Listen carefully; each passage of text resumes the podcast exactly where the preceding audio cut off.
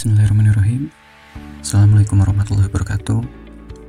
Saya Venus. Mari kita bicara tentang alam semesta di podcast ini. Oke. Di podcast, di podcast kali ini Saya bakal berbicara tentang traveling. Oke. Tentang bertualang.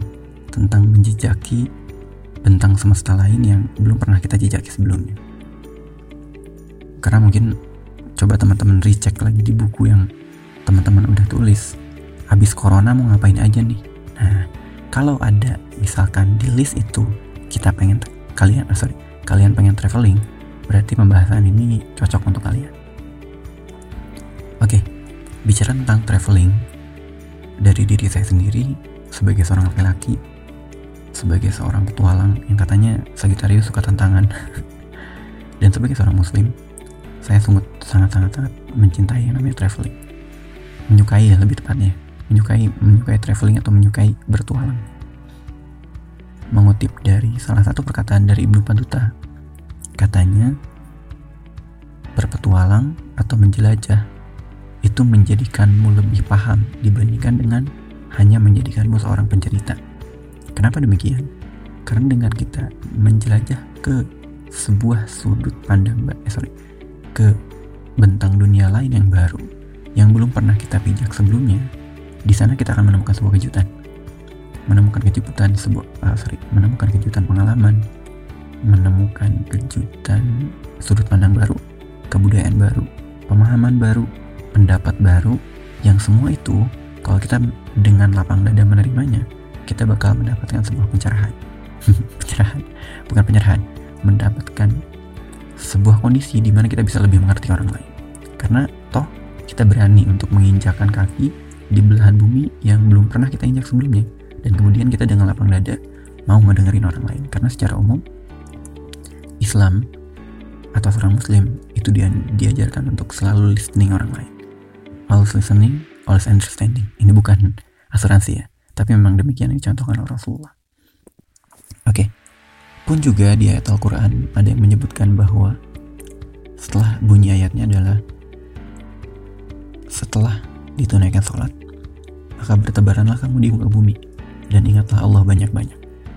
Di situ yang ini tunjukkan salah satunya adalah yuk cari karunia-karunia Allah yang telah Allah tebarkan di alam semesta ini dengan cara apa pun. Mau dengan cara belajar, sekolah, atau misalkan baca buku baca buku dan lain sebagainya itu bisa aja. Tapi untuk saya pribadi saya lebih menyenangi dengan cara traveling. Traveling itu hanya istilah sih sebenarnya. Istilah yang lagi hits saat ini itu traveling. Tapi buat saya traveling itu ya itu mencari sudut pandang baru. Oke. Okay. bicara tentang traveling saya akan lebih menspesifikkan lagi. Menspesifikannya lagi. Yaitu traveling ke gunung. Oke? okay? Kenapa saya bicara tentang traveling ke gunung dan mengambil topik ini? Karena sejauh ini yang cukup saya gandrungi adalah naik gunung. Oke. Jadi buat teman-teman yang suka naik gunung, mungkin podcast, ini lebih uh, sedikit bermanfaat. Yang pertama, ini mungkin menjawab saya dan beberapa orang yang punya motivasi untuk naik gunung ya. Apa sih alasan orang naik gunung? Ada beberapa orang yang sengaja naik gunung karena mereka memang ya senang aja. Senang capek-capean senang kotor-kotoran senang bercengkerama dengan hutan. Salah satunya adalah saya. Saya bukan suka sunset. Saya bukan suka sunrise. Suka sih tapi bukan sengaja naik gunung untuk lihat sunset. Tapi saya lebih senang sama hutannya buat teman-teman yang suka naik gunung ngerasa gak sih? Kalau lagi ngedengerin suara angin sepoi-sepoi yang menerpa pohon terus ditemenin sama suara burung-burung yang yang saling bersahutan tuh kayak indah banget rasanya. Apalagi kadang-kadang kalau kita lagi capek tanah di gunung tuh udah kayak kasurnya apa kasurnya hotel bintang 5 empuk banget. Lebih empuk daripada kasur kamar kos kamar kosan kita. Itu kalau di hutan kalau di gunung gunung yang berhutan lebih tepatnya. Itu sangat menarik buat saya. Ada yang seperti itu. Salah satunya saya. Yang kedua ada yang memang suka viewnya. Karena dari gunung biasanya sunrise-nya bagus katanya. Atau sunset-nya bagus. Seneng ngeliatin si jingga mengucapkan selamat sore sebelum dia pamit. Aduh anak India. Ada yang suka karena mencintai alam. Ada yang suka karena memang konservasi. Ada yang suka negeri di atas awan. Mungkin kalau teman-teman pernah nonton film 5 cm itu keren banget naik gunung. Dan masih banyak lagi dulu saya pernah uh, satu minggu lebih tepatnya di gunung latihan mitigasi bencana sama salah satu organisasi relawan terbaik di Indonesia. Itu keren banget. Dan itu kenapa saya suka dengan hutan. Oke itu alasan-alasan orang gunung banyak banget. Mungkin ada motivasi-motivasi lain. Teman-teman bisa tambahkan tapi beberapa di antaranya adalah seperti itu. Yang berikutnya ini yang selalu jadi poin dasar saya kenapa saya naik gunung. Yang motivasi saya untuk bisa naik gunung dan saya selalu sampaikan ini ke teman-teman saya. Ke teman-teman tim relawan ataupun tim ya ada divisi relawan di organisasi saya saya selalu menyampaikan ini. Apa sih yang kita bisa pelajari dari naik gunung? Apa cuman pengen menggelin kaki doang? Apa cuman pengen lihat sunset doang?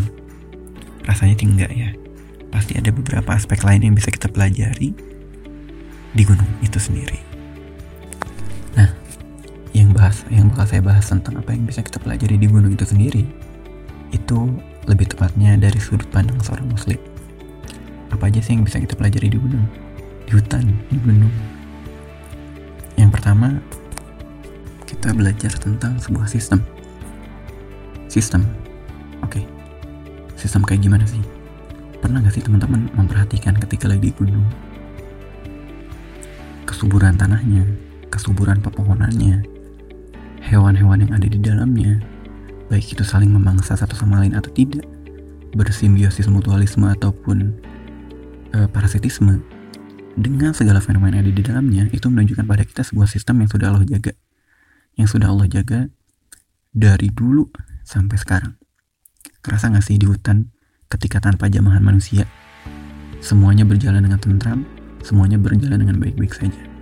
Oksigen terjaga dengan baik, air terjaga dengan baik, tidak ada pemanfaatan terlalu berlebihan yang terjadi di hutan jika itu berjalan sesuai dengan alamiahnya. Dari situ kita bisa ambil contoh bahwa sebuah ketetapan yang Allah sudah kasih itu dijalankan dengan baik di sana. Sehingga yang terjadi pun tidak ada ketimpangan satu sama lain. Teman-teman ngerasa ketika ada kelangkaan sesuatu itu sebenarnya salah dari siapa sih? Ya salah satunya adalah dari tidak bertanggung jawabannya manusia. Longsor terjadi karena penambangan yang berlebihan. Banjir terjadi karena ya pembuangan sampah dari manusia yang terlalu berlebihan, pemanfaatan sumber daya alam yang berlebihan, dan masih banyak lagi. Dan di hutan atau di gunung atau di alam itu sendiri, kita belajar tentang manajemen sebuah sistem yang baik. Ketika kita sudah mengikuti rules yang diberikan, maka yang terjadi pun akan ada keseimbangan yang sudah seharusnya terjadi. Itu yang pertama. Yang kedua, di gunung kita belajar tentang menjadi diri sendiri. Oh iya gitu, coba aja. Teman-teman pernah gak sih naik gunung terus ngerasa capek banget? Wah ngerasa mood swing banget sehingga di suatu ketika di suatu titik teman-teman menunjukkan sesuatu hal yang teman-teman sebenarnya nggak pernah mencoba dan nggak pernah ingin itu ditunjukkan ke orang lain tapi di gunung itu bisa keluar kemudiannya kita, gede ambeknya kita, sabarnya kita, kuatnya kita, tangguhnya kita untuk menaklukkan tanjakan dan pudunan dan lain sebagainya itu bisa kelihatan banget. Bahkan ada yang bilang di gunung orang bisa benar-benar menjadi dirinya sendiri. Itu salah satunya karena itu. Kita bisa alam tuh begitu jujur ngajarin kita kejujuran untuk bisa menunjukkan diri kita sendiri. Di gunung kita belajar untuk menjadi diri kita sendiri dan menunjukkan apa yang memang seharusnya kita tunjukkan. Yang ketiga, kita bicara tentang sabar. Ngerasa gak sih buat teman-teman yang suka naik gunung, kalau lagi naik ke puncak tuh, kerasanya lama banget. Kakinya kadang-kadang pegel banget kerasanya. Dan mau gak mau, kita harus nge-manage diri kita dan bicara sama diri kita sendiri bahwa, bro, sabar, bentar lagi juga sampai. Bro, sabar, gak ada yang namanya puncak kalau kita nggak berani ngelangkahin kaki. Bro, sabar. Nggak ada yang namanya akhir kalau kita nggak berani mulai. Di situ kita belajar tentang kesabaran. Yang keempat kita belajar tentang batasi diri. Ngerasa nggak sih kalau di kota karena kita semuanya serba gampang semuanya serba jadi digital semuanya serba auto semuanya serba dipermudah.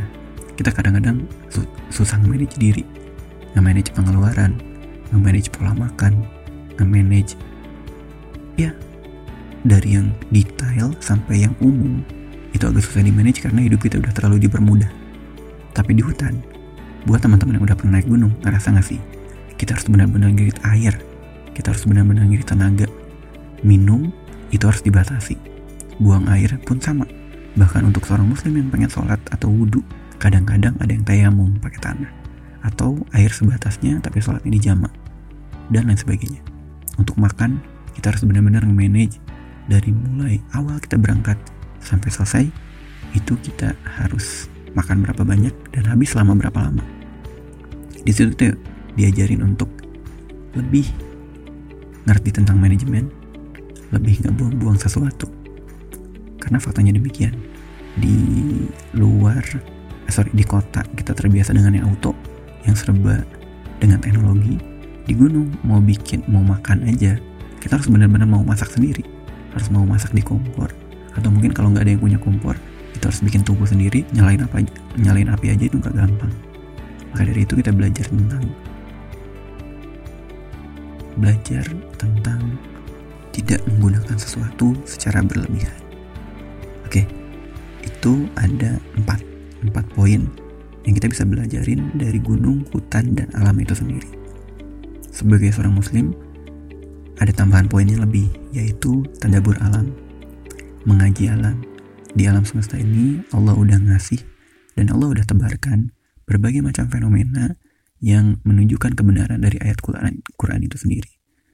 Dan itu bukan hanya harus kita baca, tapi harus kita lihat langsung juga supaya esensinya dapat, supaya pemahamannya dapat. Dan di alam Allah menunjukkan itu semua. Gak cuma di alam sih sebenarnya di semuanya, tapi di alam kita bisa belajar itu juga.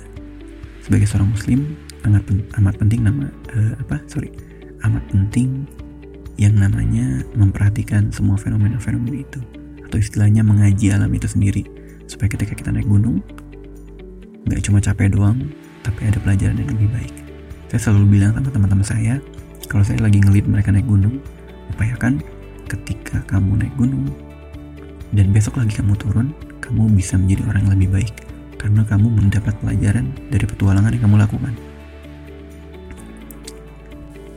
Yang terakhir saya bakal kasih beberapa tips bukan beberapa sih ya. Satu tips yang bisa teman-teman lakukan kalau mau naik gunung. Tips itu adalah manajemen perjalanan banyak orang yang mengabaikan tentang manajemen perjalanan sehingga ketika mereka naik gunung mereka hanya uh, janjian bawa bekal belanja belanja belanja naik gunung dan pada akhirnya di jalan ada hal yang unpredictable terjadi, kita tidak bisa menanganinya. Sedangkan jika kita melakukan manajerial yang baik, maka besar kemungkinan yang terjadi ada sebaiknya. Karena justru fungsi manajemen perjalanan adalah untuk memanage perjalanan itu sendiri, untuk memberikan berbagai macam alternatif dan solusi yang bisa diberikan ketika ada permasalahan yang terjadi di pertengahan jalan.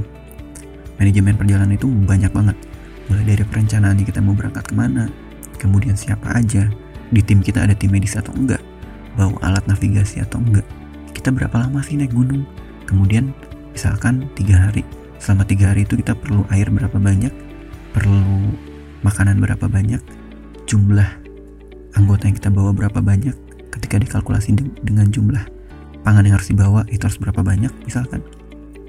Kemudian plan A-nya seperti apa? Jika ada keburukan, jika ada hal buruk terjadi, kita kasih uh, solusi kayak gimana, plan A kayak gimana, plan B kayak gimana, plan C kayak gimana, dan seterusnya. Di gunung itu semua yang terjadi unpredictable. Saya dulu pernah naik gunung. Dulu, sorry. Saya pernah naik gunung waktu itu. Uh, Cikuray lewat Kiara Janggot. Awalnya kita merencanakan untuk bisa naik selama 8 jam. Tapi ternyata di pertengahan jalan uh, ada sebuah case di mana salah satu anggota kami itu mengalami hipotermia dan kebetulan di situ nggak ada siapa-siapa hanya ada beberapa orang yang lewat ngebantu sebentar kemudian lanjut ke atas pada akhirnya keputusan yang diambil adalah saya dan beberapa orang stay di pertengahan bikin bivak yang mendadak dadakan. Kemudian beberapa orang lainnya itu saya suruh untuk lanjut naik ke atas. Jadi kita bagi dua tim sehingga beberapa nggak ada yang sampai nggak sampai beberapa lainnya sampai. But it's fine itu terjadi secara tiba-tiba tapi akhirnya bisa diselesaikan kalau misalkan seandainya manajerial perjalanannya itu dirancang dan diperhatikan dengan baik. Oke itu salah satu, satu tip aja dari saya tentang perjalanan karena kata guru saya ketika manajemen perjalanannya baik maka insya Allah perjalanan pun akan baik. Secara syariat kalau kita minta sesuatu sama Allah kita harus mengupayakannya dengan sebaik mungkin bukan? Oke itu pembahasan tentang podcast ini tentang traveling ke gunung dan ke hutan dan bagaimana kita seorang muslim menjadikan versi traveling sebagai versi belajar terbaik kita. Terima kasih sudah mendengarkan saya Venus. Assalamualaikum warahmatullahi wabarakatuh